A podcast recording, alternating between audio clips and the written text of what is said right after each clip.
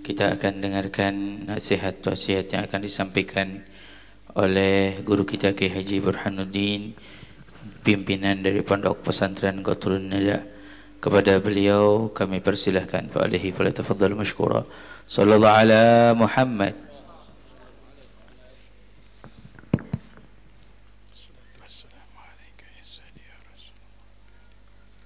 Assalamualaikum warahmatullahi wabarakatuh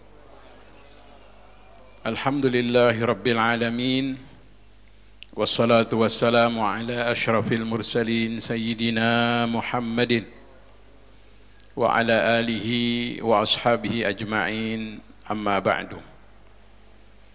جنب المحترمين para habaib ونخص بالذكر فضيلة المكرم الحبيب جعفر صادق بن باقر الأطاس Al-Habib Ridha bin Yahya Al-Habib Bagir bin Yahya dan para habaib yang lain. Afwan minkum saya tidak bisa menyebutkan nama beliau satu persatu. Mata'anallah bituli hayatihim wa nafa'ana bi ulumihim. Wabil khusus akhi fillah Kiai Haji Ahmad Baihaqi Sohibul Bait pimpinan pesantren Darul Rasul mudah-mudahan beliau senantiasa disehatkan badannya ditambah keberkahannya dan mudah-mudahan pesantren ini tambah berkah. Alhamdulillah bersyukur kita kepada Allah Subhanahu wa taala karena diberi kesempatan hadir malam ini untuk sama-sama mengikuti acara haul guru kita yang mulia Al-Habib Muntir bin Fuad Al-Musawa juga Kiai Haji Ismail bin Kiai Haji Abdul Karim mudah-mudahan hadirnya kita menjadi wasilah untuk mendapatkan syafaat dari baginda Nabi kita Muhammad sallallahu alaihi wasallam dan juga pertolongan daripada guru-guru kita.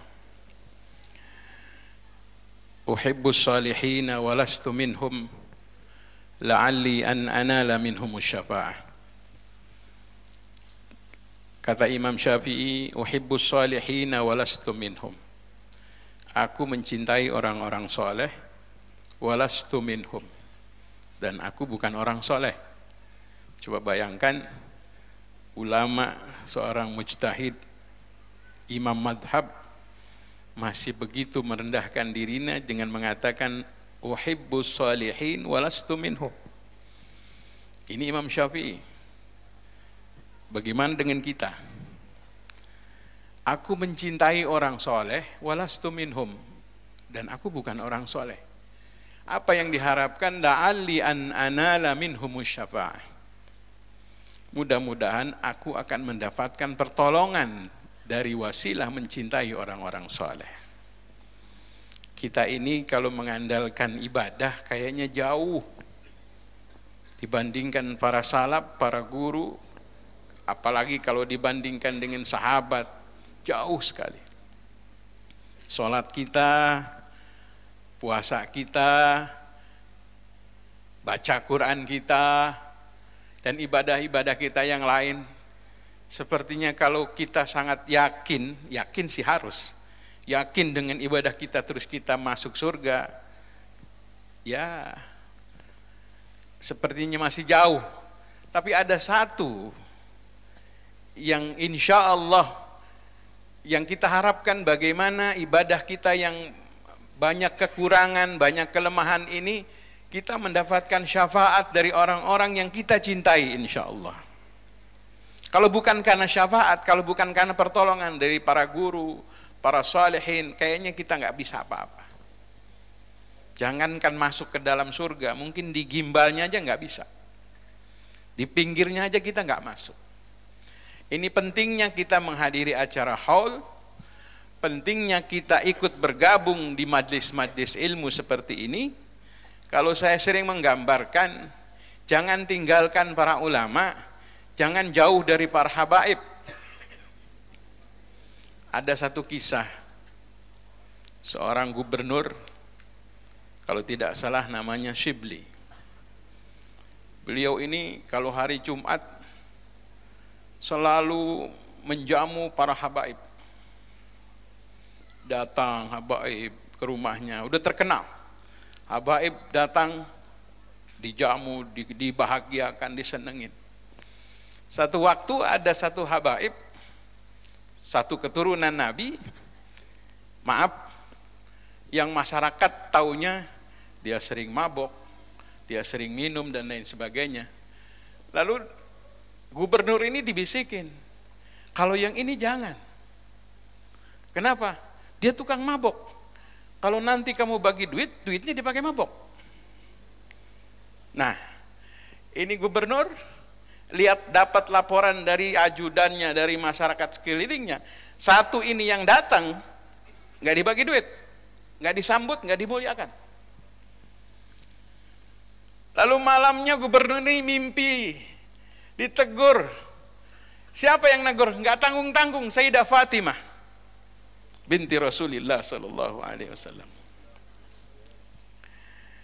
wahai gubernur wahai Shibli Kenapa kamu berlaku seperti itu kepada cucuku? Persoalan dia mabuk, persoalan dia maksiat, itu bukan persoalan kamu, itu persoalan dia kepada Allah Subhanahu wa taala. Kamu nggak ada hak untuk mengklaim dia orang tidak baik.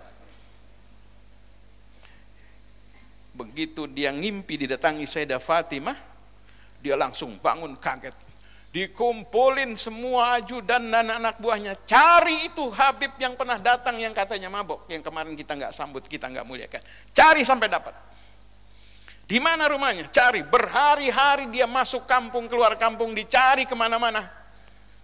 Akhirnya dikasih tahu bahwa Fulan bin Fulan rumahnya di sini disusulin sama itu gubernur begitu sampai di rumahnya yang satu ini, yang keturunan Nabi ini, yang Habib ini tidurnya di luar.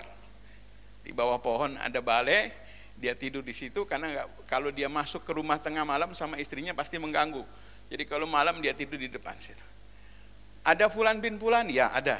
Itu di depan, di halaman rumah tidurnya di balai. Kenapa? Saya mau ketemu. Ini gubernur loh. Begitu ketemu, Siapa kamu? Saya gubernur yang biasa setiap hari Jumat menyambut para habaib, para juriah datang ke rumah saya, saya hormati, saya muliakan, saya kasih uang, saya kasih makan dan seterusnya. Tapi ada satu yang satu datang, katanya tukang mabok, saya nggak dat, saya nggak terima, bahkan saya usir. Malamnya, lalu saya ini gubernur. Ini Habib bertanya, Gerangan apa yang jadi pertanyaan kok kamu seorang gubernur mau cari-cari saya yang orang biasa yang dikenal katanya tukang mabok. Ini pasti ada sesuatu. Lalu gubernur ini cerita. Setelah kejadian itu malamnya saya didatangi Sayyidah Fatimah, saya ditegur sama beliau bahwa kesalahan yang dilakukan cucuku itu urusan dia kepada Allah. Kamu tidak ada hak untuk mengklaim bahwa dia itu salah. Sejak saat itu saya mencari kamu ini maaf Habib yang tadi diceritakan biasa minum dan lain sebagainya menangis, menangis sekeras-kerasnya. Apa kata tangisan dia? Saya yang tukang mabuk saja masih dikenal sama nenekku Sayyidah Fatimah. Saya yang biasa begini saja masih disayang sama Jid, apa Sayyidah Fatimah. Bagaimana kalau anak saya berubah? Sejak saat itu beliau berubah total, bahkan menjadi seorang wali besar karena mendapatkan hidayah dari seperti itu. Coba. Jadi saya cerita begini, jangan sekali-kali kita melihat sesuatu dari zohirnya karena kita tidak bisa menghukumi orang dari luar. Kalau judulnya cinta kepada habaib, judulnya cinta kepada zuriyah, harus totalitas, jangan lihat A, B dan sebagainya hati-hati bahwa zuriyah itu ada racun yang membahayakan. Dalam artinya doanya mustajab, sumpahnya juga hati-hati. Jangan sekali-kali kita menghujat, mencaci, maki, menghina. Dari cerita ini, yang dikenal oleh orang tukang mabok saja masih dirindukan sama Siti Fatimah. Apalagi habaib yang guru-guru kita yang mulia, yang akhlaknya baik, yang ilmunya banyak, yang ibadahnya bagus. Ini yang terus kita jadi jadikan panutan. Ini yang terus harus kita ikuti. Jangan lepas. Adik-adik, halo, pernah lihat tukang pisang? Ya, pisang itu satu tandan, ada yang besar, ada yang sedang, ada yang kecil. Nah, kalau kita mau analogikan, kita mencintai ulama seperti kita pisang dalam satu tandan, yang paling atas itu gede-gede, besar-besar nih para habaib, para kibar, para ulama ini pisang yang paling atas. Bawahan sedikit, ustad. Semakin ke bawah, bau-bau ustad. Mendingan bau-bau ustad daripada ustad bau. Nah yang paling kecil nih, pisang nih titik. Pisang paling kecil Ustadz bukan. Kiai bukan. Ilmu kagak, modalnya cuman ya bendera doang dah modalnya. Ya, pokoknya dia cinta aja judulnya. Bagaimana supaya pisang yang paling ujung tetap dibeli orang dan punya harga? Jangan disisirin. Jual satu tandan, itu tetap dibeli sama orang. Artinya kalau kita kepengen nanti masuk surga, jangan jauh para habaib, jangan jauh para ulama. Kalau jauh, nyangkut di mana nggak tahu. Nah, ini gambaran seperti ini sepertinya sederhana, tapi kalau kita punya ikatan kuat kepada para habaib, para ulama, mudah-mudahan beliau-beliau akan mencintai juga kita dan mudah-mudahan kita mendapatkan pertolongan dari beliau-beliau semua. Mari kita doakan para guru, para ulama, para habaib mudah-mudahan tetap istiqamah dan diberikan kesehatan. Saya hadir kemari tidak ada maksud mau ceramah Habib, ya hanya kepengen silaturahim. Ya hanya kepengen silaturahim saja, tapi judulnya Alhamdulillah diberi kesempatan dan kehormatan. Mudah-mudahan yang singkat ini bermanfaat. Ya. Ini pesan dari beliau sambil menunggu Habib Ali masuk. Suruh nambah lagi dikit lagi nih. Ya, baik. Di antaranya hadir haul hikmahnya adalah zikrul maut. Mengingat kematian. Anna fi maut bahwa sesungguhnya ketika orang mengikut mengingat mati ada manfaat yang besar. Salah satunya kata Imamul Haddad adalah kosrul amal. Orang kalau ingat mati, insya Allah tidak panjang angan-angan. Enggak terlalu banyak keinginan. Kalau orang sering ingat mati, insya Allah udah enggak pengen ngeridit motor. Udah enggak pengen ngeridit mobil.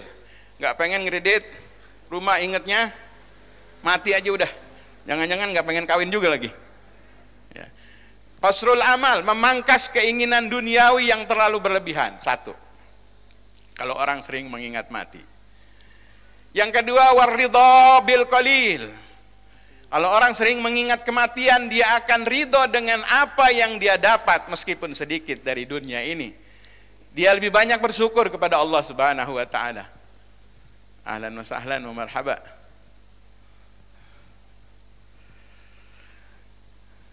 Ya. Waridho bil qalil akan ridho dengan apa yang Allah berikan meskipun sedikit dari dunia ini. Ya, mudah-mudahan kita bagian termasuk orang-orang yang sedikit ya. Mudah-mudahan Allah maj'alna minal qalil ya Allah jadikan kami dari golongan yang sedikit. Siapa? Wa qalilun min ibadiyash syakur. Sedikit dari hambaku yang pandai bersyukur. Mudah-mudahan kita bagian minal qalil. Yang ketiga, warragobatu fil akhirah Orang kalau sering mengingat mati, dia akan cinta kepada akhirat. Dunia sudah nggak terlalu banyak dipikirkan. Yang dipikirkan bagaimana matinya husnul khatimah. Siapa orang yang cerdas kata Nabi Al-Qais mandana nafsahu wa amila bima ba'dal maut. Orang cerdas itu adalah orang yang mampu mengendalikan dirinya wa amila bima ba'dal maut dan mampu berbuat untuk akhirat setelah dia kematian. Mari kita persiapkan, meskipun masih muda, bukan berarti kemudian, wah saya masih jauh matinya, enggak. Siapa pun mati kadang-kadang nggak tua, nggak muda, anak-anak, semua rahasia Allah Subhanahu wa taala. Yang kita minta adalah mati husnul khatimah. Amin ya rabbal alamin. Yang ketiga, raghabah fil akhirah. Kalau sudah seperti itu yang terakhir wal mubadarah bil a'malis salihah. Orang yang sering mengingat mati, dia akan terus bersegera untuk beramal soleh. Mumpung kita masih punya kesempatan, mari kita tingkatkan amal soleh. Mudah-mudahan kita menjadi orang-orang yang istiqomah menjalankan kebaikan seperti yang guru-guru kita lakukan terdahulu. Ini bagian dari amal soleh yang dilakukan oleh para salaf dan para guru. Kita tinggal melanjutkan, kita tinggal meneruskan perjuangan para guru kita. Mudah-mudahan beliau-beliau yang sudah mendahului kita diampuni segala dosa dan kesalahannya, diterima semua amal ibadahnya. Dan yang lebih penting dari peringatan haul adalah bukan sekedar peringatan, apa yang diajarkan oleh guru-guru kita harus kita jaga dan kita pertahankan. Kalau perlu terus berusaha kita amalkan, itu bukti kecintaan kita kepada guru kita Habib Mundir bin Fuad Al-Musawa. Ini saja yang dapat saya sampaikan. Maafin kalau ada kekeliruan. Wallahul muwafiq ila aqwamit thoriq. Wassalamualaikum warahmatullahi wabarakatuh.